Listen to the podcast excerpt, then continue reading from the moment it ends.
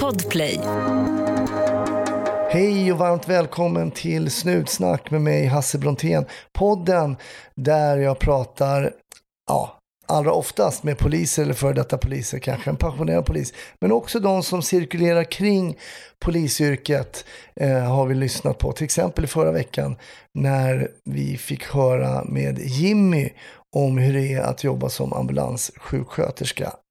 Men idag så heter min gäst Paula och vi kommer att prata om ehm, ja, lite kring det här vad som händer när man lägger saker i ryggsäcken. Det vill säga alla de upplevelser man är med om som polis som lägger sig i det medvetna men kanske också väldigt mycket i det omedvetna. Kan vi hantera de här sakerna som man som polis upplever? Ja, Paula ska berätta sin historia, vad som hände. Hon jobbade mycket till exempel i brott eh, i nära relation och brott mot barn. Vi får givetvis också höra vad Paula tycker om polisfilmer i slutet.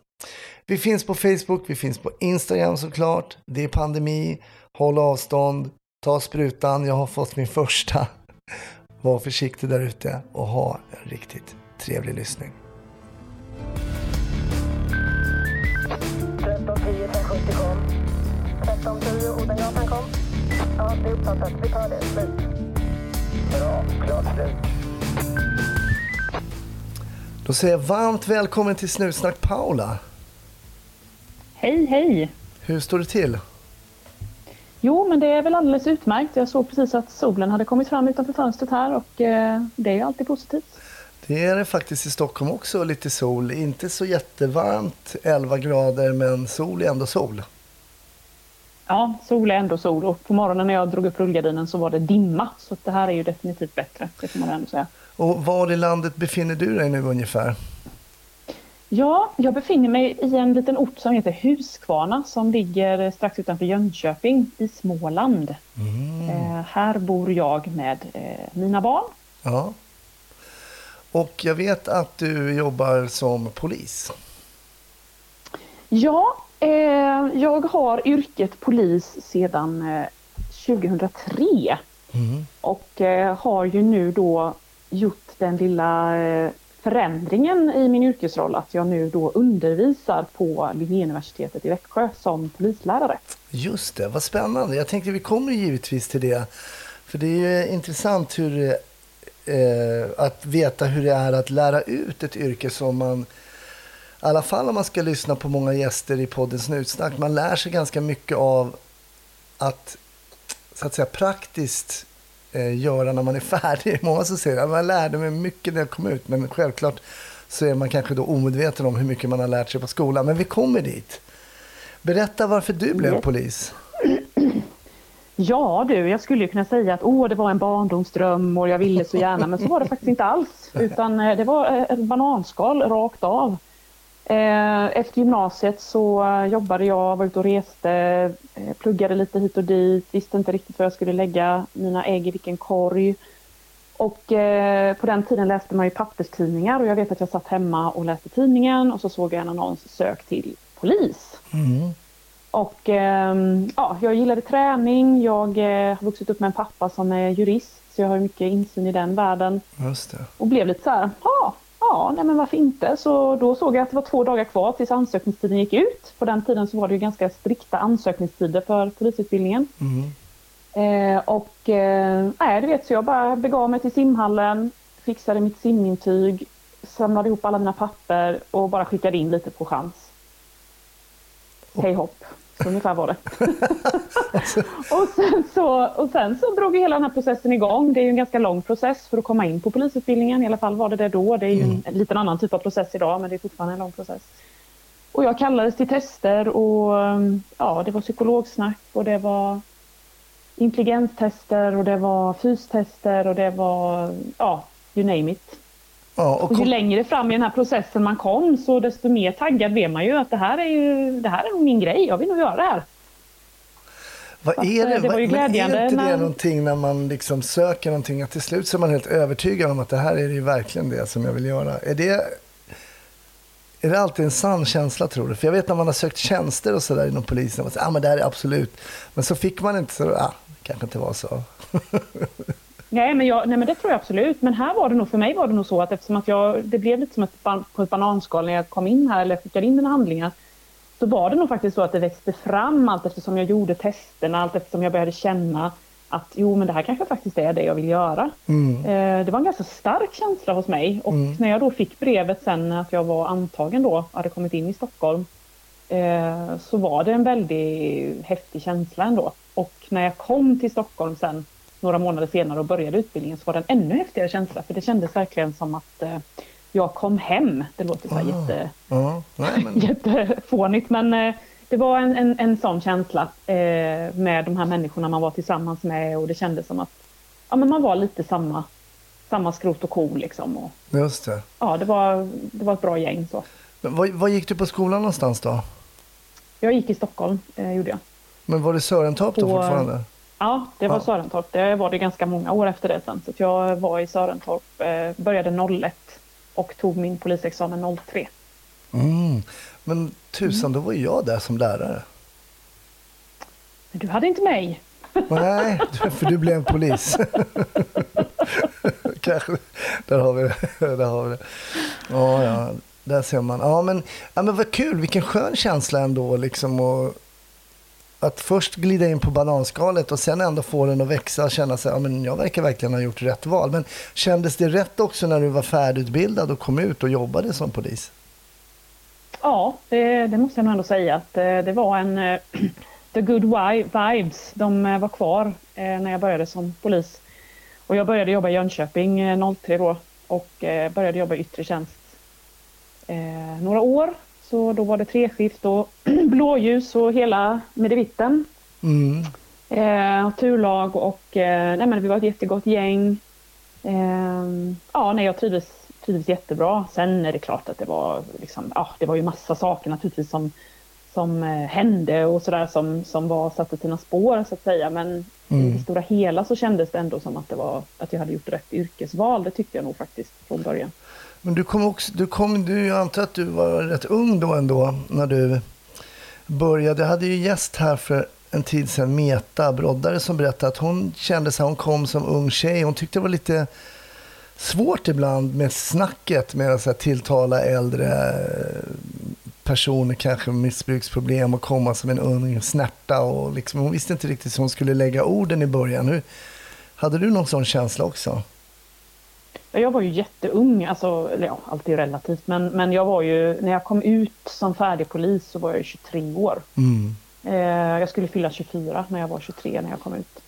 Och eh, ja, ja, visst, det är klart att upplevelsen var väl den att man, skulle man tänka internt så var väl känslan den att man hela tiden var tvungen kanske att bevisa lite mer för att man hela tiden skulle bevisa att man var att man var tillräckligt bra på något sätt. Det fanns väl en sån känsla lite grann. Mm. Eh, när jag kom så var det också faktiskt så att eh, i Jönköping då dit jag kom, det var ju bara eh, 11 procent kvinnor då i, eh, i, i eh, poliskåren där. Okej. Sen ökade Oj. det på successivt, men vi var, vi var inte särskilt många tjejer. Nej. Framförallt inte i yttre tjänst var vi väldigt få tjejer, så därför blev ju det också lite så här exotiskt inslag nästan.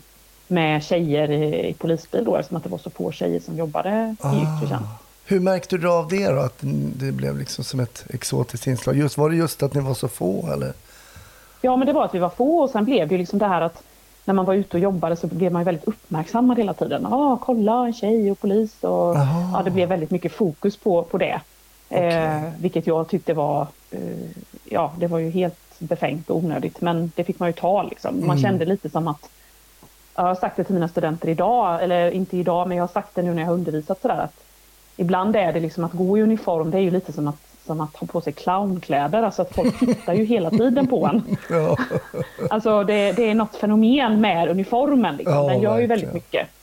Eh, och det, får man ju, det måste man ju ha med sig såklart, att, att eh, alla tittar ju på en och, och det är viktigt liksom hur man beter sig när man har en uniform på sig, för man har ju någonstans ändå ett, ett uppdrag och man står ju för någonting.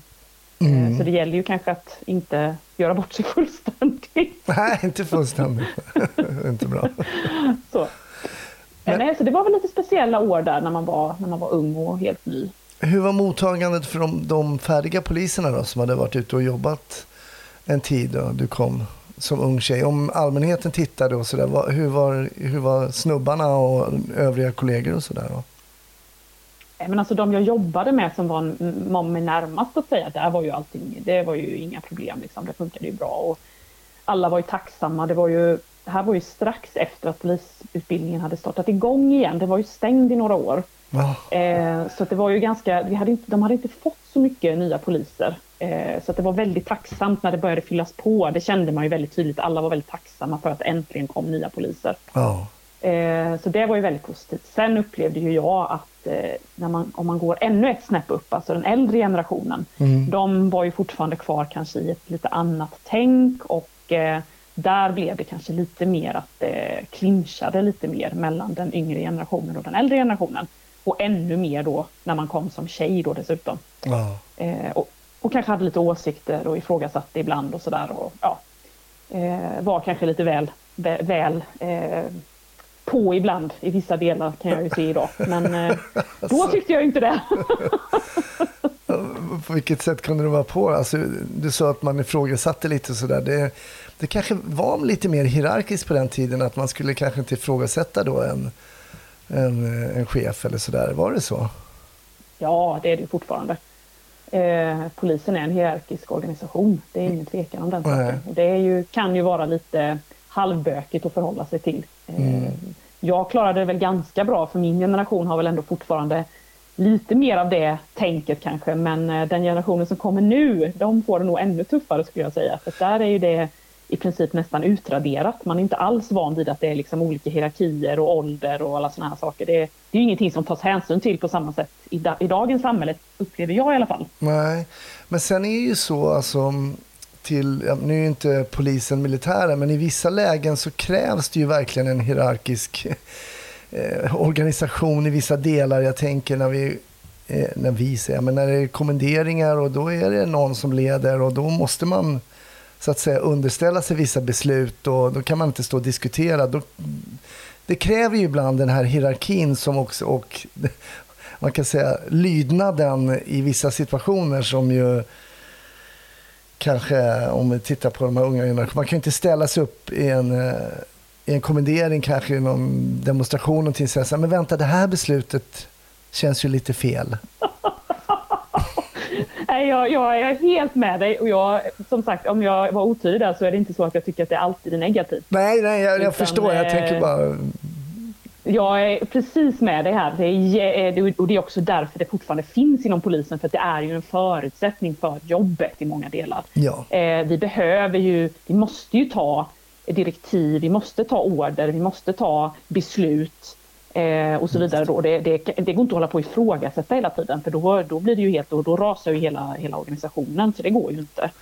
Eh, utan när man jobbar så är det ju bara att köpa läget, då är det bara att jobba på liksom. Sen ja. kan det ju vara saker som sker eh, bakom kulisserna så att säga, där man kan tycka att det kanske borde finnas ett större, en större möjlighet till inflytande och lite sådana här saker. Det. Och det är väl en sån sak som polisen jobbar väldigt mycket med, att ha ett tydligare medarbetarinflytande. Eh, Just det. Nej men mm. precis, vi är inne på helt, rätt, eller på helt samma spår där. Och inte bara det att man ska att man ska ta en order, utan det är precis som du säger, man måste också själv fatta ett beslut på plats. Mm. I vissa fall är man ju själv befäl, om, även om patrullen bara består av två. Så att det... Absolut, och det är ju en av de sakerna vi försöker träna våra studenter i. Just det här att faktiskt våga ta beslut, våga stå upp för det som ska ske på platsen. För annars mm. blir det ju pannkaka av alltihopa. Just det. Men du kom ut på ordningen då som eh, de allra flesta poliser då och, och jobbar. Hur, hade du någon målbild i början där att äh, jag ska vara på ordningen några år och sen ska jag göra det och det? Eller lät du bara liksom tiden gå och känna viben? Som du nämnde. Ja, men alltså, när jag kom ut så var jag nog inte så, då hade jag nog ingen direkt inriktning sådär, ah, jag ska bli det här och det här, jag ska göra detta och detta. Utan jag var väldigt så tacksam för att få komma ut och jobba som polis efter utbildningen. Liksom. Jag tyckte det var jättekul att jobba yttre tjänst. Mm. Eh, sen tog mig livet till olika platser. Jag, jag, ehm, jag fick barn och mm. i samband med det så gick jag ju då in en period för att jag var gravid och ville inte vara ute och jobba då. Eh, och sen var jag mammaledig och sen kom jag tillbaka i yttre tjänst och sen så blev det ganska krångligt att jobba treskift och ha småbarn och få livet att funka och så vidare. Så, mm. så det var massa sådana praktiska grejer som, som började stöka helt enkelt för mig. Just. Eh, vilket gjorde att jag började att tänka eh, att jag kanske skulle göra någonting annat. Och då hade jag förmånen att få under mina graviditeter då så var jag ju som sagt inne på krim då eh, mm. och jobbade. Och insåg väl ganska snabbt att jag hade kanske, ja men att här kanske jag hade möjligheter att kunna utvecklas och att jag kanske hade vissa färdigheter som skulle kunna vara eh, till gagn för den typen av, av arbete. Mm. Eh, och det ledde då in mig på eh, att jag faktiskt under min andra graviditet när jag var inne så var jag och hjälpte till på den avdelningen som jobbade med brott mot barn och eh, brott i rela nära relation. Just det. Så jag var inne och, och, hjälpte till lite grann där för det var lite, ja, de hade lite brist på folk och sådär. Så jag var inne där och, och, då blev jag ganska så här, ja men jag blev rätt så fast i det. Alltså jag tyckte det var väldigt eh, spännande och intressant och jag började känna någon slags så här, ja men det här kanske är det jag faktiskt vill göra. Just det. Uh, vad, var det som det gjorde att, vad var det som gjorde att du kände det? Jag, någon känsla i mig blev liksom att eh, ja, men här kanske jag kan göra skillnad. Mm. Alltså, barn på något sätt kändes så, ja, men de är ju så otroligt utsatta och de är ju verkligen, eh, har ju verkligen ingen i samhället på något sätt kan man känna i vissa situationer. Eh, de kan ju vara väldigt utlämnade och har ju inte kanske en så jättestark röst alla gånger. Och då kände jag liksom någon slags, ja det låter så här otroligt eh, eh fånigt kanske, men, men det kändes liksom lite nästan som ett liksom kall sådär att ja, men mm. det här, här kanske jag faktiskt kan göra skillnad oh. på riktigt liksom. Mm. Eh, det där tycker jag är en ja. ganska häftig känsla. Jag, jag, har ofta fått frågan då, men vad saknar du inom polisen och, och sådär. Och egentligen så kanske inte jag har saknat arbetsuppgifterna jättemycket och så, men framförallt i början så här, men jag saknar mina kollegor. För att jobba som frilansande komiker har varit väldigt ensamt och sådär. Och jag älskade att jobba i grupp och det här mm. tjabbet som... Men så kom jag på efter ett tag att jag faktiskt saknade ibland känslan av att hjälpa människor.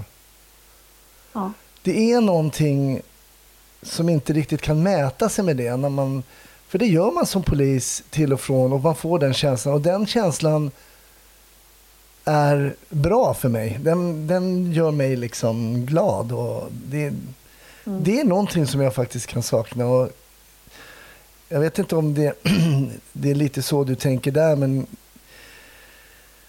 att göra, att göra gott och känna att man har hjälpt till, det är ganska tillfredsställande faktiskt. För i alla fall för mig. Ja, eh, men jag håller helt med dig och jag tror att det är en ganska stor drivkraft för väldigt många poliser faktiskt. Jag, mm. jag, jag jag, känner liksom, eller spontant tänker jag att det måste vara en väldigt stor drivkraft. Mm. Jag menar, det är ju inte så att du tjänar några pengar när du jobbar som polis. Du, du jobbar skittider, du är ifrån din familj jättemycket. Alltså det, det är ju väldigt många saker med polisen helt krasst om man bara sitter och tittar på det som bara så här, okej, okay, mm. varför väljer jag det här yrket? eh, nej men jag riskerar livet på jobbet, shit vad kul. När, det, när någonting händer liksom och alla andra springer från platsen, men då ska jag gå in i den situationen. Yes, det är precis det jag har tänkt. Det vill jag göra. Oh. Så att någonstans så tror jag att liksom, ska man klara alla de bitarna som på något sätt, det som ändå kanske då ses som lite nackdelen med det med yrket, så måste det finnas en motpol som är otroligt stark. Oh. Och den motpolen tänker jag, eller tror jag, Eh, är just att eh, man helt enkelt känner ett sånt, en sån otrolig tillfredsställelse i att göra skillnad. Mm.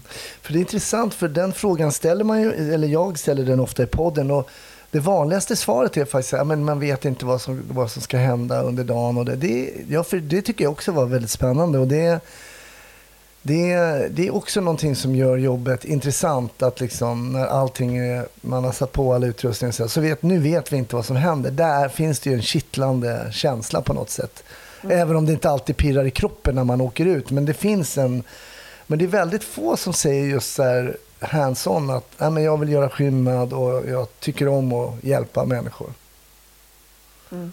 Nej, men jag tror, och det du beskriver nu, det är ju det är en annan del av det, liksom, att man mm. söker kanske adrenalinkickar och så vidare. Men det är ju väldigt, väldigt viktigt att förstå, eh, om det nu skulle vara så att någon lyssnar på det här som funderar på polisyrket, att det är ju inte enbart en massa adrenalinkickar hela tiden. Mm. Alltså väldigt mycket av polisyrket är ju faktiskt ganska eh, vad ska man säga, det, det, är mycket som går på rutin också. Det är mm. mycket jobb vi gör som kanske inte är superstimulerande alla gånger. Mm. Eh, självklart är det den här ovissheten och det kan hända någonting men det kan ju också gå ganska många pass där det faktiskt inte händer speciellt mycket. Nej, utan att man åker på sina rutinärenden och man träffar eh, eh sina kanske ja, alkoholiserade eh, personer som sitter på bänkarna som man får liksom avlägsna och det kanske är åka till psykakuten och sitta där ett helt pass. Och, mm. eh, alltså det är ju väldigt mycket sådana saker också man gör mm. så att, och det är inte jättemycket adrenalinkickar i det kan jag säga utan det kan till och med kännas ganska, ibland ganska eh, tråkigt. Jag gjorde, ett, säga så.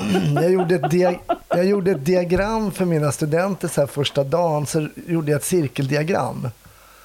Och sen så, så mm. berättade jag lite vad jag tyckte att de hade sökt till för jobb och vad det bestod av för arbetsuppgifter. Alltså jag tror att när de gick okay. från den lektionen tror jag var lite nedstämda.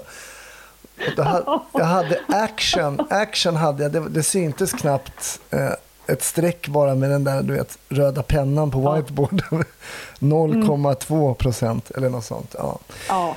Ja, men lite så liksom. Och, och, och, man kan ju kanske få känslan ibland liksom när man när man eh, pluggar till polis då kanske, för det är väldigt mycket, man fokuserar mycket på liksom, eh, fysiska metoder och det är vapenträning och vet, man, man, tror ju nästan ibland att man ska ut i krig. Liksom.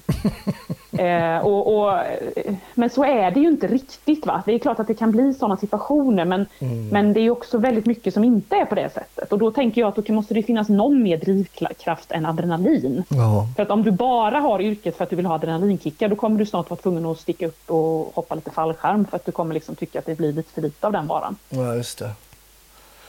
Ja, nej, men ja. intressant. intressant. Men då, du kände det här med då kring att jobba med, med brott i nära relation och med barn, att det var någonting som triggade dig? Jag kände att här skulle jag kunna stanna lite.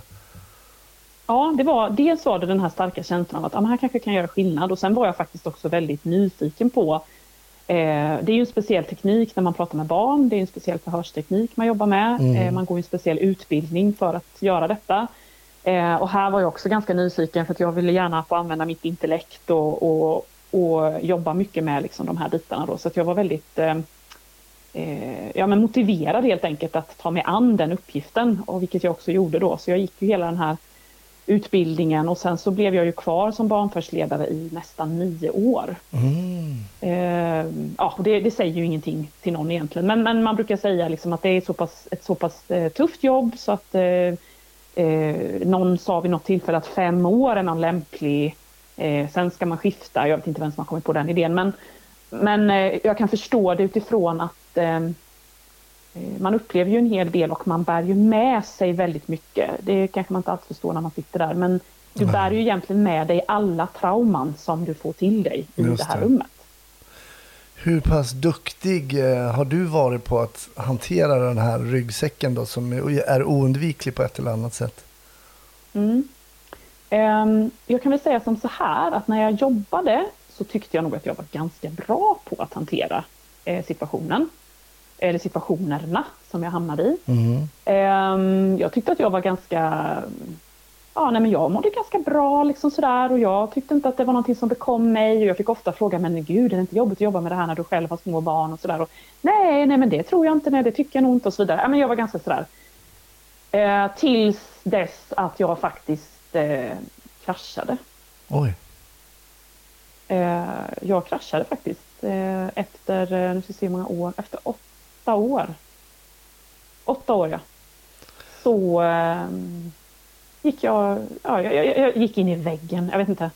Mm. Ja, jag dunkade i huvudet i den ganska många gånger men eh, då, jag lyckades flytta väggen ganska många gånger men den gången lyckades jag inte flytta väggen så då, då, mm. då blev det stopp. Men... Eh, jag förstod inte riktigt vad det var som hände om jag ska vara helt ärlig men det har jag förstått efteråt. Okay. Att jag helt enkelt, då var ryggsäcken full. Ja, det var så. Mm, så var det. Och det var de här alla de här ärenden med barn och familjerelationer och sånt där som, som hade fyllt på då? Ja, det fyllde på och fyllde på och fyllde på och fyllde på och sen så absolut tömde man ju ut lite emellanåt, det gjorde man ju, men någonstans så blev det ändå som att det, satt, det, det, det blev kvar väldigt mycket. Mm. Och eh, jag var inte så, så påläst på den tiden kring de här bitarna, men det satte sig i kroppen. Jag fick en hel del eh, fysiska symptom Okej. eh, som var ganska, ja, men som jag inte förstod egentligen. Jag fick jättemycket problem med magen, jag hade mycket problem med migrän, jag hade lite sömnproblem, eller ganska mycket sömnproblem i perioder. Ehm, ja, men alltså jag hade en hel del sådana fysiska symptom och eh, ja, men du vet, jag utreddes för glutenintolerans och det var en hel massa Mm. saker som gjordes liksom. Men man hittade ju inget fel på mig i princip. Eh, men det förstod jag ju sen när det väl då blev lite mer akut läge. Att eh, det här var väl antagligen min kropps sätt att eh, signalera att du, flaggan den, den viftar här nu, den röda, du vet den här röd färg betyder att det inte är så bra. Just det. Så det är nog dags nu här att, att tänka till lite eh, kring vad du håller på med. Ja. Eh, och att du kanske behöver eh, breaka det här eller bry- bryta med det här och inte vara i det här mer. Och vad, vad, vad blev em, ditt beslut då? då? Ja, min kropp tog det beslutet åt mig kan man ju Mm, säga då, för den eh, la ju av. eh, så att jag, eh, det började ju med att jag helt enkelt eh, på, ja men det var, ja, det var 2016 detta och det var ju på vintern, våren där så började jag ju få jättemycket konstiga det hände massa konstiga saker med mig när jag jobbade. Jag kunde eh, plötsligt sluta höra. Jag, kunde, alltså jag tappade, jag hörde inte vad folk sa. Eh, jag kunde få så här eh, flimmer framför ögonen. Det började trycka över tinningarna. Jag kunde sitta i förhör och plötsligt bara, jag kommer inte ihåg någonting. Jag vet, jag vet inte vad den här människan har sagt. Jag, vet, Oj. jag minns ingenting. Eh, sådana saker hände då flera gånger. Men jag, jag fortsatte ju köra på liksom. Eh, och mer och mer problem med magen framför allt. Eh, och sen till slut så Nej men till slut så bara funkade inte kroppen helt enkelt. Så jag, jag eh, fick gå hem från jobbet för att jag hade så fruktansvärda magsmärtor. Fick åka in till akut, akut i sjukhus. Eh, blev inlagd och eh, de gjorde ju en miljon olika kontroller. Jag fick svälja kameror och allt vad det nu var för någonting de höll på med. Eh, och det konstaterades ju då att jag, ja men jag fick ju en, eh, en eh, diagnos att jag hade en utbrändhetsdepression då, eller vad man kallar det för. Mm. Slutligen, efter många om och men så blev det så. Och då blev du Eh, sjukskriven ja. då kanske? Eller? Ja, det blev jag. Jag blev sjukskriven och eh, var sjukskriven i några månader. Ehm, ja, det var, en ganska jobbig tid faktiskt. Jag är tacksam för att jag hade mycket stöd i min, mitt, i min dåvarande relation med min dåvarande man. Och, eh, men det var en ganska tuff period eh, i mitt liv faktiskt. Det. Kan du efteråt se, kunna se att du hade kunnat göra annorlunda på något sätt för att förhindra det här att det skulle hända? Eller var det liksom en rutschkana som man inte kunde ta sig ur på något sätt? Nej, alltså återigen så jag satt inte med kunskapen vid tillfället. Så just där och då hade jag nog inte kunnat göra någonting annorlunda för jag visste inte vad jag skulle göra annorlunda. Eh, och det var väl också så, nu vill inte jag vara kritisk så, men tyvärr skulle jag väl säga så tycker väl kanske jag inte heller att, att min arbetsgivare alltid kanske tar så väl hand om sin personal i den här, de här delarna, om jag Just ska vara det. helt ärlig. Det, det, det kan jag väl ändå stå för att jag faktiskt inte tycker i alla delar. Mm. Eh, utan jag, jag tycker nog kanske att man borde vara lite mer mån om sin personal och kanske då se lite till vad, vad är det de utsätts för. Och nu pratar jag inte bara om min roll som barnförhetsledare utan nu Nej. pratar jag om alla delar. För att jag menar, det är ju, man utsätts ju för saker, oavsett vad man jobbar som polis så, så är du ju med om saker som sätter spår. Mm. Eh, och jag kan väl tycka kanske att det är lite märkligt att man inte har mer eh, fokus på eh, det mentala och det psykiska välmåendet. Alltså jag har Eh, ju... det får jag väl ändå säga. Jag har ju också en viss erfarenhet. Min pappa jobbade ju som polis och hade ju oerhörda psykiska problem. Och nu är det ju länge sedan nu, men Polismyndigheten var ju helt värdelös faktiskt. Det slutade med att min pappa tog sitt liv. Och Åh, gud vad tragiskt. ja, men ibland får jag en känsla att det inte har blivit så, alltid så jävla mycket bättre. Men när man hör sånt här, att man inte följer upp och när man vet också, vissa ärenden är ju man fyller ju på den här ryggsäcken som man har pratat om. En del säger så här, men jag kan hantera det och det kände ju du också att du kunde. Men det kanske är så att vi människor inte riktigt kan det fast vi tror det. Ja, alltså, jag, jag tror det. Och det, det här är ju, det här, nu kommer vi in på jättespännande saker tycker jag då. Just det här mänskliga psyket och, och hur vi fungerar och så vidare. Då. Och att vi har ju en väldig massa försvarsmekanismer som kliver in va? Och, och tar över. Och det är ju det som gör att vi säger att jag hanterar det här. Men det gör du egentligen inte. Vem fan hanterar eh, att eh, plocka likdelar från en tågräls. Vem fan hanterar att eh, åka hem till eh, människor och säga att eh, deras barn har kört ihjäl sig? Mm. Alltså vem, vem hanterar och, och eh, liksom sitta med barn som berättar att de blivit utsatta för grova övergrepp. Alltså återigen, det, du hanterar inte det. Nej. Alltså det, det, det, är, det är fel att tro att du gör det, för det gör du inte. Nej. Men du har en massa försvarsmekanismer som ser till att du trycker undan alla de känslorna som kommer i de här situationerna för att du kan inte ha de här känslorna just nu. Och många gånger så är det ju så att du kanske gör det, de här sakerna då i ditt yrke, alltså i din profession som polis då. Och då kan du inte sitta där och, och bli upprörd eller ledsen och så vidare, självklart. Det är, det är ju givet, du måste ju klara av i stunden att hantera situationen. Mm. Problemet blir ju att vi sen då oftast inte han, gör någonting med de där känslorna sen efteråt heller. Nej, precis. Utan vi plockar ju bara ner de där känslorna i den där lilla eh, känsloryggsäcken där bak och till slut går vi ju omkring med en backpack som väger ton. Mm. Nej, precis. Och, och det är väl det här som blir då eh, Ja, det är det här som blir problematiskt tycker jag. Därför att många gånger så kanske det är, ja men, nej, men vi mår bra. Liksom, man, man kanske frågar en patrull som har varit ute på något tufft jobb och sådär. Nej men det känns okej okay, och det är okej okay och sådär. Ja, just där och då så kanske det är okej för att ja, de är fortfarande i sin bubbla kanske och de är fortfarande i sin yrkesroll och de är fortfarande där. De är lite avstängda kanske för att de ska klara av jobbet och så vidare. Mm. Men sen, Mm.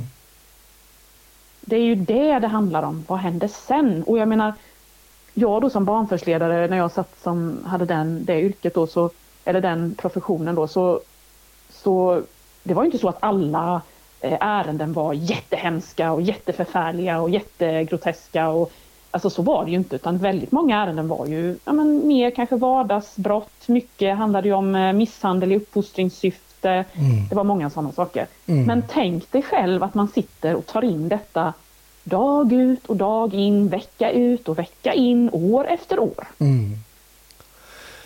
Ja, kanske den någonting där... den som hade, göra. Du sa att du visste inte vem som hade kommit på det där med fem år. Men det kanske, kanske är någon som har förstått att man kanske inte ska göra vissa saker. Och det blir också monotont också. Det finns ju någonting där som, utan att man tänker på det kanske. Ja, ja, ja, absolut. Och det, eh, det finns ju, alltså det här kan man ju prata om, jag skulle kunna prata om detta i, i flera timmar, flera dagar. Ja, om organisationen och hur man borde tänka och hej och men eh, det ska jag inte gå in på.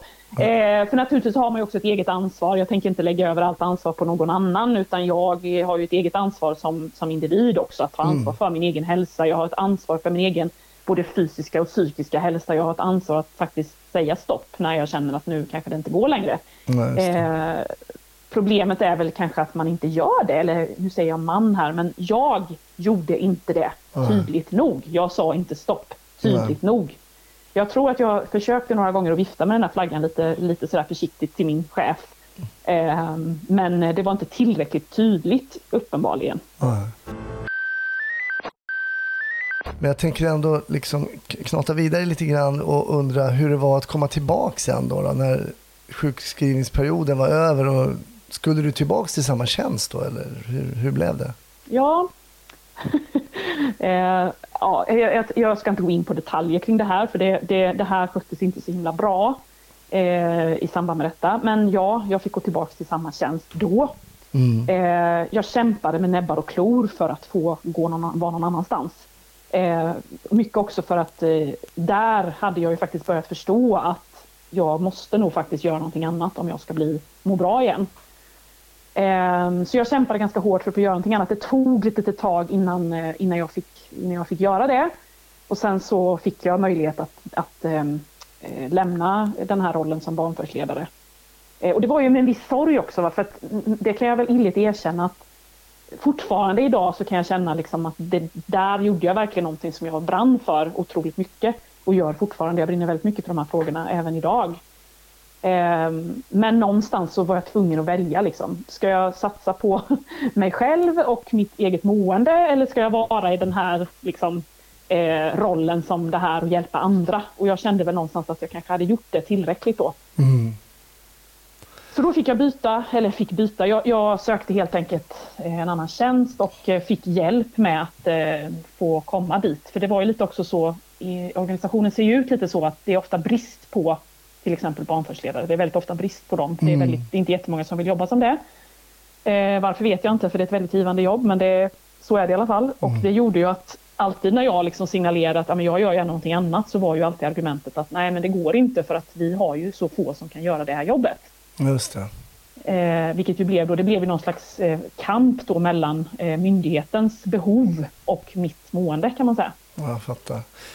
Så det som du liksom verkligen kände att det här brinner jag för, det här vill jag göra, det här är mitt liksom kall nu några år framöver. Det var det som drog ner dig också. Det är också lite Mm. intressant Det att det blir så. Mm. Jo men det var det. Och sen ska jag ju säga, sen har det, gav det mig jättemycket också. Mm. Alltså jag fick otroligt mycket eh, under de åren. Alltså jag lärde mig fantastiskt mycket. Jag träffade jättemånga otroligt kompetenta människor både inom polisen och inom andra myndigheter. Jag jobbade på barnahus i Jönköping i flera år och det var ett fantastiskt, eh, ett fantastiskt eh, arbete som gjordes där som lades ner på det. Eh, bland alla de olika delarna då som var där och var aktiva. Mm. Eh, Så jag, jag fick med mig väldigt mycket. Så jag ska inte bara säga att Åh, det där var ju så jobbigt och hemskt. För så var det inte. Utan det var väldigt, väldigt givande på många sätt. Men Mm. som sagt, slut, i slutänden så fick jag ju betala ett ganska stort pris med min hälsa då i väldigt stor utsträckning. Mm, ja, jag förstår. Jag tänkte innan vi pratar lite om där du är nu som lärare, för att du har ju också chans att förmedla de grejerna som man har varit med om. Också det här som du berättar nu är faktiskt ganska viktigt att ta del av som student. Även om du kanske inte berättar det i detalj för varje, men det är, det är väldigt viktigt. Eh, jag brukar ju fråga min gäst om en händelse, om ett case som han varit med om som sitter kvar starkt i minnet. Vad, vad tänker du där Paula? Jag kan tänka mig att du kanske har en hel del med tanke på det du har jobbat med. Ja, eh, men alltså det är ju otroligt eh, mycket, många olika ärenden som jag har eh, varit med om. Om vi nu pratar adrenalin så är det klart att man har jättemycket case från när man jobbade ute i yttre tjänst. Eh, sen är det klart att de sakerna som kanske satt sig mest hos mig det är väl mina, mina, mina säger jag, men mina barnärenden, alltså de Mm. som jag ändå har Mm. eh, jobbat väldigt, eh, väldigt mycket med. Och eh, där finns ju då naturligtvis då en del som har satt, satt spår såklart. Där man ju tänker fortfarande liksom undra hur de har det och hur de mår och, och sådana saker. Varför är det så att vissa ärenden sätter mer spår än andra då?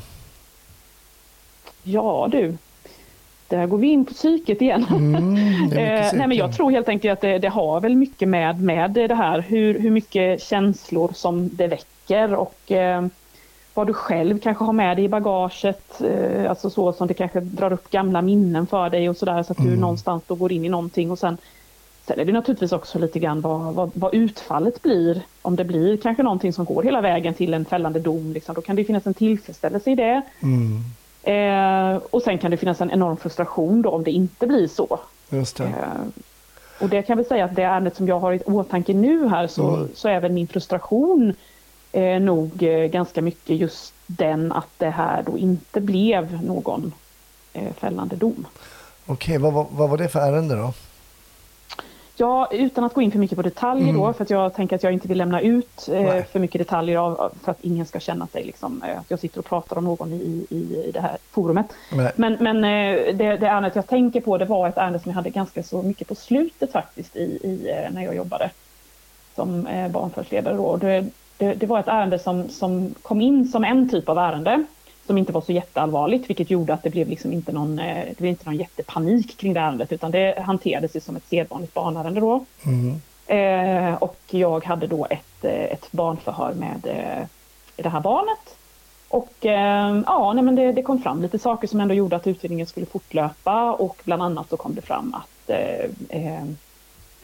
hon hade ett syskon, det här barnet, som skulle kunna vara behjälplig och ge ytterligare information. Okej. Eh, och eh, det som, hände, det, det, som var speciellt med det här ärendet är ju då att det, det här var ju då målsägande, det var, det var en, en tjej. Och eh, det handlade om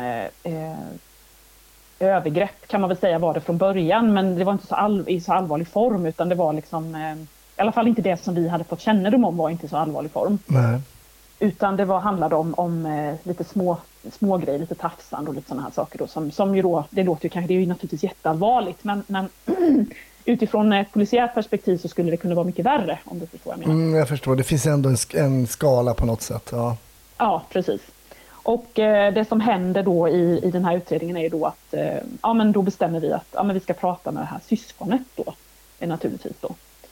Och eh, då tar jag mig an det här och då blir det lite så här att det här syskonet är ju inte målsägande utan det är ju ett vittne då och eh, syskonet är ju då eh, dessutom lite äldre så att hen behöver liksom inte eh, kanske hanteras lite, riktigt, riktigt som ett litet barn hanteras i de här sammanhangen utan jag kallar ju den här eh, personen då till, till mig, att eh, hen ska komma till mig helt enkelt och prata då. Mm.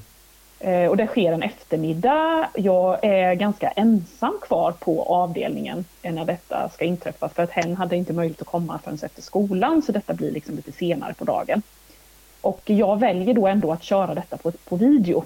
Mm. Eh, vi har haft en, en, dialog med åklagaren om att, att nej, men vi kör på video liksom, för att vi, vi vet inte hur det blir i, i rätten och så vidare. Man, man spelar ju in barnförhör för att barnen behöver ju inte vittna. Mm. Utan då spelar man ju upp barnföret i, i rättssalen. Och eh, även när, när, man då har vittnen som är eh, yngre så kan man ju spela in. I det här fallet så var det så att den här personen var ju så pass gammal så att hen kanske hade varit med vid en eventuell rättegång. Mm. Men vi bestämde ändå att vi körde på video. Mm. Eh, ja, och jag sätter mig med den här personen då i det här rummet och eh, eh ber ju då vederbörande berätta om, om sina eh, iakttagelser och, och, och, erfarenheter från den här situationen då med, med syskonet. Mm. Eh, och jag märker ganska snabbt i, när jag sitter i rummet, jag har ganska mycket erfarenhet sedan tidigare, så jag kan ändå känna ganska tydligt när det liksom är någonting som, som ligger som inte riktigt uttalas. Så jag känner att det är någon spänning i luften här i, i rummet. Okay. Eh, som jag inte riktigt kan sätta fingret på, men det är någonting. Och ibland så är det ju så här att när eh, personer kommer och ska prata med polisen så är de väldigt nervösa och de tycker det är liksom jobbigt och de är sådär. Och då kan ju det eh, skapa en viss känsla som gör att det är någonting man inte kan ta på men som ändå finns där. Mm. Så jag tänkte att det kanske är det det handlar om, att den här personen är nervös för det här mötet med, med polisen. Mm. Men en liten stund in i förhöret så bryter den här personen ihop. Oj. Och alltså på riktigt bryter ihop. Fullständigt, alltså jätteordentligt. Jag förstår. Och eh, det har jag ju varit med om tidigare givetvis, men det här var jag inte riktigt beredd, ah. om jag ska vara helt ärlig. För att det här var ju inte en, det var ju inte en målsägande jag hade framför mig, utan det här var ju en person som, som eventuellt skulle kunna ha gjort vissa iakttagelser. Det var ju det personen var där för att prata om. Så att jag är inte mentalt förberedd för, för det här. Det var ju bara liksom att, att ja, nu är det så här, nu händer det någonting här. Så det är bara att sitta lugnt i båten och se vad, vad som kommer av detta. Och det blir då en situation där den här personen som sitter framför mig, en, eh, en ett barn är det ju ändå fortfarande då, även om det är en tonåring, mm. eh, bryter ihop och säger att eh, man ska ju inte ljuga för polisen. Nej, det, det, det är bra, liksom. det är rätt uppfattat. Mm. Och sen kommer det då. Då visar det sig ju att den här ynglingen är ju då betydligt mer utsatt än syskonet. Aha, okej. Okay. Så det här var liksom målsäganden for real liksom? Så det här var ju målsäganden, eh, ja nu får man inte, kanske man ska uttrycka det, men målsäganden deluxe om man säger så. Ah, alltså den andra målsäganden hade ju inte alls utsatts på samma sätt. Äh. Utan det är ju här kommer ju nu då eh, en berättelse om jättegrova sexuella övergrepp. Oj. Eh, och det här bara ratchar ju ur honom här. Och nu säger jag honom, ja det är ju en kille det här och jag kan lika säga att det är en kille. Ja. För det blir ju bara rörigt annars. Eh, och eh, han, han eh, berättar då om, om detta. Eh, och detta är då första gången som han har berättat detta för någon någonsin. Oh, okay, okay, okay. Och det är flera år som har gått då sedan det här har skett. Jag förstår. Eh, och det, det, var en väldigt, väldigt, väldigt speciell situation, måste jag ändå säga. Ja, jag förstår. Eh, och jag hade ungefär en miljon tankar i huvudet samtidigt. Liksom att, eh, ska jag fortsätta låta dem prata? Ska jag, ska jag stänga av kameran så vi gör det här? Liksom? För jag började ju tänka liksom, även lite på liksom, rent logistiskt och på alla turer hit och dit och vad, vad han har för rättigheter. Ja, men du vet, det var så här en miljon tankar. Men sen bara bestämde jag mig för, nej, jag, jag bara låter kameran gå. Han får bara prata. Han får bara, det får bara gå. Han får bara sitta här. Vi får se vad som händer. Han behöver prata om det här. Han får bara berätta och han bara berättar. Det bara kom ju som en ja, fullständig flod. Oj, oj, oj. Det är intressant här att det här förhöret då, man kan ju tycka då, jag tänker om man är lyssnare och intervjuar som polis, vad är skillnaden? Du ska hålla ett förhör, du berättar att det här är inte en målsägare, alltså det här är inte den då som från början ska ha varit utsatt för brott, utan ett eventuellt vittne som kan tillföra eh, någonting till utredningen. Och så vänder det här. Eh, hur kommer det sig att man som förhörsledare där faktiskt ändå blir tagen lite på sängen? För här är du som jag förstår en ganska erfaren förhörsledare. Och du berättar själv att du blev lite eh, chockad över eh, liksom, händelsens, att det, det vred på sig så tvärt. Hur, hur tror, varför blir det så? när det ändå, Man kan tycka att det skulle vara en ganska liten detalj egentligen. Målsägare Ja, men det blir ju en jättestor detalj. Därför mm. att eh, mm. Självklart är det så att du vet ju aldrig vad du ska få veta av en person när du går in i förhör. Nej. Det vet du ju inte. Eh, men det är givetvis på det sättet att jag hade ju inga indikationer whatsoever i den här utredningen att det skulle ha förekommit eh, några övergrepp i någon annan, i någon annan del så att säga. Eh, och dessutom var det ju så att, att målsägaren i det här fallet då, det, det, det hon hade berättat var ju då eh, som jag sa innan då, allting är ju naturligtvis hemskt och fel på alla sätt, men det var ju i den här skalan, alltså mm. graderingen, mm. så var ju det kanske inte riktigt lika eh, farligt eller Nej. hemskt i den bemärkelsen, eller hur man nu ska uttrycka sig. Just det. Eh, och därför så, på något sätt så, och det var, det var kanske liksom fel av mig egentligen att gå in med det, men, men, men så var det liksom. Jag var inte jag trodde att jag skulle höra ett vittne som eventuellt skulle ha kunnat gjort vissa iakttagelser som skulle kunna vara till gang för utredningen då. Mm. Att ja, de hade haft den här, den här kontakten och så vidare. Och så vidare. Det var liksom det som det här förhöret skulle liksom mynna ut i. Mm. Ehm, och det var ju också anledningen till att ja, men han kom ju dit som sagt på eftermiddagen och det var inga, inga mer på avdelningen och jag satt själv där i videorummet. Och, mm. eh, ja, och det blev ju liksom eh, väldigt speciellt eftersom att ja, jag hade ju jag, jag satt ju verkligen där inne med, med honom och han berättade ju allt detta och jag tänkte ju flera gånger att vilken jäkla tur att jag spelar in det här. Ja. för att jag kommer inte komma ihåg vad han har sagt för att det var ju så mycket liksom, som ja, kom på en gång. Eh, och det var ju så otroligt eh, vad ska man säga, tydligt att detta hade hänt. Om mm. du förstår vad jag menar. Mm, jag förstår. Eh, det är ju en av de sakerna som det diskuteras mycket, det här med trovärdighet och ja men eh, barn har ju fantasier och så vidare. Det är mycket sådana saker som man får tackla när man, när man pratar om just det här med förhör med barn och så vidare. Mm. Och, ja, det är en helt annan historia men, men här var det liksom så här, det här var ju ingenting som han hade hittat på. Det här var ju ingenting som han, han hade ju liksom, det, det var ju så otroligt tydligt att det här hade han ju varit med om. Oh. Hur fortlöpte ärendet då? Nej, men sen blev det ju då som sagt, sen fick vi ju hantera honom som målsägande också och eh, sen drog det ju vidare precis så som, så som det gör den vanliga gången så att säga och han fick ju ett juridiskt biträde och, och alla de här bitarna och sådär och sen så fick vi ju naturligtvis koppla på eh, eh, barn och ungdomshälsan, så de, det, vi gör ju det när mm. vi har barn som är utsatta då, att de får hjälp, lite stöd och hjälp med, med att bearbeta och sådär. Mm. Eh, och det här var ju som sagt, det var, det, det var ju så berättelsen var ju så stark så att åklagaren valde faktiskt, trots att det inte fanns så där vansinnigt mycket annan bevisning. Mm. Eh, jag kommer inte ihåg i detalj nu här, men det var, det var vissa saker som, som kunde styrkas och vi hade väl något litet, litet medgivande från eh, misstänkt i någon del. Mm. Eh, men hon valde i alla fall att eh, åtala för det här. Ja. Eh, för att, helt enkelt för att den här berättelsen var så otroligt stark. Och nu anar och, vi ju eh, hur det slutade här då. Ja, jag sa ju det innan så ja. jag tog ju bort hela den här cliffhangern här nu. den dog! Cliffhangern försvann. Eh, cliffhangern eh, var ju då, blev det en fällande dom? Nej, det blev ju inte en fällande dom. Eh, det blev ju inte det. Och kanske, om, om man bara tittar juridiskt på det så kanske det inte var så konstigt, men fan vad frustrerande det kändes i mig. Ja, ändå, där precis. i det läget. För det, mm. jag satt ju med honom där och som sagt, det här har ju han, det här har han varit med om. Det är ju ingen tvekan om den saken. Men känns det då som att du vet liksom, och det är jobbigt att veta och så blir det inte... För jag tycker jag har varit, jag, eller jag har varit med om när jag också har vetat hur det har gått till och så har det inte blivit fällande domar. Och det blir ju en, en det blir ju en jobbig känsla. Ja, det blir en jobbig känsla, men det, där, där får man ju...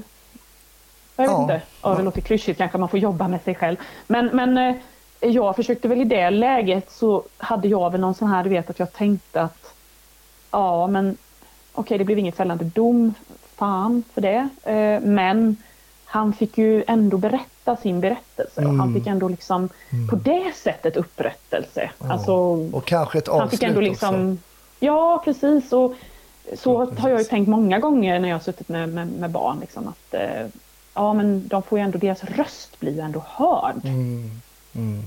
Så. Eh, Jag, jag vill ändå, jag, jag inbillar mig att det skulle ha betydelse. Jag, det har väl varit det som har fått mig att, Mm. att fungera i den rollen. Intressant, jag har Ja, aldrig det jobbat... var mitt case. Ja, eh, och jag vet att du i Patreon-avsnittet ska berätta om ett case om en förskolelärare som förgrep sig på barn. Men det kommer till dig som är Patreon. Och vill du bli det så, och stötta podden lite, gå gärna in på patreon.com snutsnack. Men nu Paula är jag lite nyfiken på att höra hur det är att lära ut yrket polis. För du jobbar ju som, som polislärare idag. Hur är det? Det är fantastiskt skulle jag säga. Det är jättekul. Mm. Varför? Ja, Varför roligt? Jo, men det, det är roligt för att eh, dels är det så himla roligt att träffa studenterna för att de är ju så positiva, de är så fulla med energi, de är så förväntansfulla. Eh, nu ska jag inte säga, men de vet inte vad som väntar. Det är kanske tur det då. Eh, när, när, de, Ehm, när de har hört nej, ett det är avsnitt liksom- kanske de blir lite mer avvaktande. nej, det tror jag inte. Det, det hoppas jag verkligen inte. ryggsäcken. Nej, men men de då har pratat om ryggsäcken. Ja, nej men visst precis. Men, men det är väl det som är. Och sen tycker jag att det är... Jag har en, en, en, eh, liksom en, en målbild och det är att... Jag sa ju det innan att jag hade en drivkraft som var att jag ville göra skillnad. Jaha. Och eh, nu kunde jag ju då kanske inte göra skillnad på det sättet längre utifrån att jag helt enkelt var tvungen att byta inriktning. Men nu känner jag att jag kan göra skillnad på ett annat sätt. Och nu kan jag göra skillnad på det sättet att jag kan påverka framtidens poliser. Ja. Jag har ju en liten, liten, liten, liten, liten, liten möjlighet att påverka dem här under en väldigt begränsad tid. Men eh, under den begränsade tiden så kan jag åtminstone göra vad jag kan för att eh, påverka dem. Eh, att kanske väcka en tanke hos någon, liksom, kanske få någon att tänka till kring det här med, med sitt mående och hur man tar hand om sig själv. Och, eh, kanske få någon att tänka till kring eh, hur agerar jag i den här situationen på ett bra sätt? Hur bemöter jag ett, en målsägande på ett bra sätt? Hur hanterar jag en misstänkt på ett bra sätt? Och så vidare och så vidare. Eh, Vilka, är, vilka mm, ämnen eh, undervisar du i? Ja, ehm, då är det så att jag är polislärare då som det heter och då betyder det att jag, jag har ju väldigt mycket teoretiska ämnen då. Alltså jag är ju så. så att jag började undervisa främst på en kurs som heter utredningskursen och den har ju då studenterna i Växjö i termin två. Och då är det en ganska omfattande kurs där man jobbar mycket med juridiken och det är egentligen första gången de går in på rättegångsbalken med gripande och eh, anhållande och eh, förhör och husrannsakan och sådana här saker. Och mycket sånt. Eh, Så där började jag. Jag har ju varit som sagt i Växjö nu då i snart två år. Och sen så är det ju så att man tar sig i anspråk till en massa saker så att man är ju med på övningar hela tiden, man är med och examinerar och sådana saker. Men så blev det också så då att när en lärare här förra sommaren slutade så blev det en vakans på eh, kursen brott i nära relation. Oh. Eh, och då följdes det, ju, följde sig ju lite naturligt då eftersom att jag har jobbat så mycket med det då att jag fick frågan att gå in och stötta i den kursen. Mm. Eh, vilket jag då gjorde och ehm, har då varit lite delaktig i den kursen. Det har ju varit så speciellt här nu va? för att vi har ju liksom haft den här pandemin. Ja, Så den har vi också. Man har ju jobbat så, ja jag vet, det är ju en jävla skit, en skitgrej så. Ja, Men, ja. eh, och det har ju gjort att därför har man inte varit så mycket på skolan och undervisat sista året så liksom allting börjar kännas lite där främmande och konstigt. Och jag har nästan bara suttit hemma och jobbat eh, sista året. Men skitsamma, jag gick in där och nu så kommer jag tillsammans med ännu en ny kollega att ta över den här kursen brott i nära relation. Så vi har precis nu suttit och eh, eh gått igenom lite grann vad, det vad vi ska ha för innehåll, vad vi ska ha för litteratur. Vi har förändrat lite föreläsare och vi försöker då göra den så bra som möjligt. Och han har också väldigt många års erfarenhet av just brott i nära relation. Så det är en, ett väldigt roligt samarbete eh, som han och jag har nu. Mm, kul. Så nu är jag ansvarig för den kursen och sen är jag dessutom mentor nu då för en etta som jag kommer följa nu i fyra terminer under deras eh, Ah. utbildning. Så det är lite så. Och sen är man då som sagt så tas jag i anspråk för övningar eh, och man är inslängd på lite hitan och ditan. Jag, håller, jag är mycket inne i förhörsutbildningen också och jobbar mycket med, med eh, förhörsdelen. Mm. Det är så spännande med förhör tycker jag.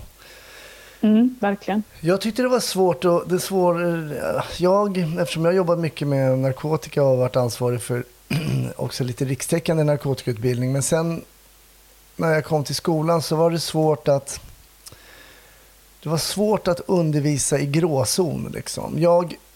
Eh, nej, men för att... ja. nej, men det ja, fin-. Nej, för att det finns ju någonting som är 100 en, Alltså lagtexten, då vet vi med 100% att är det på den här sidan, då gör du absolut garanterat 100% rätt. Och är du på den här sidan av spannet, då är det 100% fel. Alltså om du gör sådär. Men så finns det här när man läser lagtext, det finns, du kan gå in lite och snedda in där när man pratar om fara i dröjsmål, alltså när man pratar till exempel om husrannsakningar utan beslut av åklagare eller kroppsvisitationer utan beslut av åklagare när polismän kan fatta beslut och då kan man göra så. Men på skolan när jag kom så var det lärare som kanske inte hade jobbat lika mycket med det här som jag hade gjort och då Nej, det är så här vi ska undervisa. Och då, det tyckte jag var lite svårt, men jag har alltid jobbat så här och det kan jag, det är alltså med stöd i lag. inte någonting annat. Mm. Det ni säger är inte fel, men så har inte vi jobbat och vi har inte jobbat fel heller. Och, nej, men här skulle jag då vilja... Förlåt att jag avbryter. Ja, nej, det, nej, men det var bara ett exempel. Till exempel då mm. så här. Ja, jag misstänker att en person har knark i fickan. Jag ringer åklagaren och frågar om jag får titta i hans ficka. Alltså så jobbade vi aldrig egentligen. Bara för att ta ett enkelt exempel för alla lyssnare som inte jobbar som, som poliser också. Men sen finns det andra mm. saker också. Men där tyckte jag som lärare att det var lite svårt att liksom säga så här, men man kan också göra lite så här från sidan. Ja, men där, det exempel som du drog, det är ju ett väldigt enkelt exempel. Ett väldigt enkelt exempel, ja. Ja, men ett ja. enkelt exempel på där vi tillämpar fara i dröjsmål. Mm, exakt. Och nu pratar vi en massa juridiska termer här som folk kanske inte förstår, men fara i dröjsmål är alltså då att man anser att eh, man kan inte inhämta ett beslut för då riskerar man att den här åtgärden inte kommer att leda till någonting. Alltså måste man göra åtgärden direkt och då behöver man inget beslut utan då tar polisman beslutet själv. Exakt. Mm. Men då skulle jag vilja poängtera en sak som jag tycker är viktig här och som jag säger mycket till mina studenter. Låt höra för att du ska kunna vara i nej men, gråzon, jag vill verkligen förtydliga nu då att gråzon betyder ju inte att vi gör saker nej. i hemlighet eller att vi gör lite fel. Inte, att det, inte att, heller att det är utan, olagligt, det är liksom en beskrivning nej, nej, av... Utan, ja. ja. precis. Det handlar helt enkelt om att, att eh, man helt enkelt måste kanske ibland eh, tolka lagstiftningen på ett visst sätt för att det ska, kunna, för att det ska fungera. Ja. Eh, men då brukar jag säga till mina studenter, för att du ska kunna vara i gråzon och jobba, så måste du veta vad som är det rätta och det som är fel. Ja, det är korrekt. Givetvis. Du måste kunna lagstiftningen, du måste veta vad du har för lagstöd för att göra det ena eller andra. Är du osäker och inte vet vad det är du håller på med, då kommer du garanterat att hamna i gråzon och ramla ner i svarta zonen, alltså felzon. Mm. Därför att då vet du inte vad du håller på med. Har du koll på att jag får göra detta och jag får göra detta, här behöver jag ha ett beslut, här kan jag ta beslutet själv har du koll på det, då kan du också börja kanske laborera lite grann med till exempel uttrycket fara i dröjsmål, som ju är en sån möjlighet vi har att laborera lite med. Just det. Eh, och därför så brukar jag säga till mina studenter att plugga lagstiftning, man kan tycka kanske att, ja ah, men gud, liksom måste vi verkligen kunna allt det här och så vidare. Ja, men det är faktiskt rätt bra. Ja, det är För bra. att när du kommer ut, när du kommer ut sen så, så är det så att kunskap är liksom, det är makt. För vet du att jag får göra det här, då spelar det ingen roll att den här personen som står här, som du ska utföra den här visitationen på, gaggar om att du får minsann inte göra detta och detta är maktmissbruk och jag ska anmäla dig och jag ska bla bla bla bla. bla. För sånt får man ju höra hela tiden som polis. Ja, ja, verkligen. Då, då spelar det ingen roll, för du vet att det här får jag göra. Jag har lagen på min sida. Exakt, ja det, det är viktigt. Är ju, mm, helt, ja, och då, du, då kan du kontrollera situationen. Står du där och är osäker på, jag vet, jag vet faktiskt inte om jag får göra det här, det här känns inte riktigt bra, jag får nog inte göra det här. Då har du inte kontroll. Nej. Då tappar du kontrollen över situationen. Då kanske du tappar hela den eventuella utredningen som skulle kunna följa på det här eventuella beslaget som du skulle kunna göra på den här eventuella narkotikan som den här personen kanske har på sig. Du tappar alltihopa för du vet inte vad du får göra. Mm. Du måste veta det. Nej, det har du helt rätt i Paula. Man måste veta vad man gör och man måste ha koll på sin lagstiftning. Det, det är sant. Helt korrekt. Men ja. Detta för Vilken oss. Detta... Fantastisk slutkläm! Ja. ja, men det, är inte riktigt, det är inte riktigt slutklämmen, den kommer nu. Vet du. Det... Nej, den kommer nu. Okej, det är du som står för den. Ja. Nej, nej, det är inte alls. Det är du som Nej. kommer få stå för den. Men jag kommer slänga ut frågan. Det är den klassiska slutfrågan här nu. Ehm, kring eh, polisfilmer. Berätta Paula, hur många, hur många ser du i veckan? Oj, oj, oj. Ehm, ja, eh, jag måste göra dig besviken här nu då att jag är inte något fan av eh, polisfilmer. Ehm, av den enkla anledningen att jag helt enkelt får eh, panik av att allting är så fel hela tiden. För att det, inte, det, det skildrar inte hur det faktiskt är. För vi, vi åker inte ut ensamma för att gripa en eh, misstänkt mördare eh, med skjutvapen hemma. Nej. Eh, faktiskt. Det, det finns ett visst säkerhetstänk kring sådana ingripanden. eh, och det är också så att krimmare eh, som följer med ut, eventuellt om man nu gör det, vilket inte är speciellt vanligt, men om man nu gör det så har man samma utrustning som resterande ingripande grupp som ska gå in i en, till exempel en bostad och hämta ut en person. Det är inte så att eh, de springer in med eh, västar och hjälmar och alla möjliga olika saker och krimmaren kommer i eh, slängrock. Men Om man Nej, inte har slängrock, hur- ska man då veta att han är krimmare? Nej, det är ju det då. Men det är ju liksom lite den där grejen då att eh, man är polis som polis va, så det har inte så stor betydelse. Nej, jag Nej, men skämt åsido, det, eh, det, det, det blir inte riktigt bra. Men! Men, eh, ett jag vill men, ta det där lilla men undantaget. Ja, låt höra. För att jag tycker nog ändå att man har, eller att de har lyckats på SVT med den tunna blå linjen. Ah. Ja, för att den eh, blev jag otroligt positivt överraskad av. För att jag tycker att den skildrar faktiskt polisyrket väldigt väl. Ja, det är intressant. Jag håller med dig och det här att man gör ett ingripande och ingen är nöjd. Nej? Eh, Man ser de här Twitter, det ska väl föreställa någon form av Twitterflöde eller Ja. feedback Oj, oj, oj, från allmänheten. Och det, det är högt och lågt. Ja. Ja. det är ju klassiskt tycker jag. Ja, vad kul. Tunna blå linjen, ni som inte har sett den, titta på den. Den är, som Paula säger, den ger en helt annan eh, bild av polisyrket än de här klassiska Beck och, och Wallander Mm. och sådär. Och lite där, dels att det är lite variation och sen att man får följa de här karaktärerna också, att de också lever ganska mänskliga liv och Mm. att eh, det är lite så här det kan vara liksom. För Mm. det är som jag sa innan någon gång här när vi pratade så det är ju mycket med polisyrket som inte är så himla, eh, vad ska man säga, skimrande som Nej. man kan tycka liksom. Det är väldigt mycket som är ganska eh, jävligt också om man ska vara helt ärlig. Ja, och sen det här med man pratar treskift och det kanske inte alltid synkar med alla förskolor och eh, skolor och lämningar och hämtningar och sånt där. Det är mycket som ska till liksom. Mm, jo, men det vet man ju. Man har ju suttit någon gång i bilen och, och ringt till förskolan. Liksom, och, är du, jag, jag, håller på här och ska gå in och bryta mig in i en, en lägenhet med en man som försöker och ska skjuta ihjäl en person, så jag kan inte hämta just nu. Nej, Precis. Alltså det blir ju helt surrealistiskt ibland. Ibland har man ju hamnat i sådana surrealistiska situationer så att det liknar ingenting. Eh, så är det ju naturligtvis. Så kommer man hem och så ska man då göra korv och makaroner och så ska man sitta där och bara, vänta lite här nu, nu trillar jag ner i någon annan värld här. Jag vet inte. Ja, du förstår själv, det blir väldigt, väldigt Väldigt speciellt. speciellt. Eh, Paula, stort tack för väldigt intressant samtal också kring den här ryggsäcken och vad man verkligen kan man verkligen hantera saker och ting. Nej, det kanske man inte kan och om man inte kan det så bör man ta itu med det. tycker jag var väldigt spännande och även ditt ärende. Eh, Du som vill höra mer av Paula, lyssna på Patreon för där kommer ytterligare ett spännande avsnitt. Och nu lyfter jag på hatten. Stort tack Paula för att du ville vara gäst i Snutsnack. Ja, stort tack för att jag fick vara gäst i Snutsnack. Det har varit jätte, jätteroligt.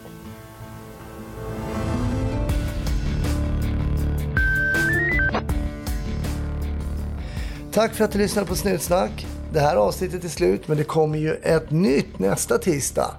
Hoppas du lyssnar även då. Stort tack för att du gör det. Det uppskattas oerhört. Vill du bli Patreon?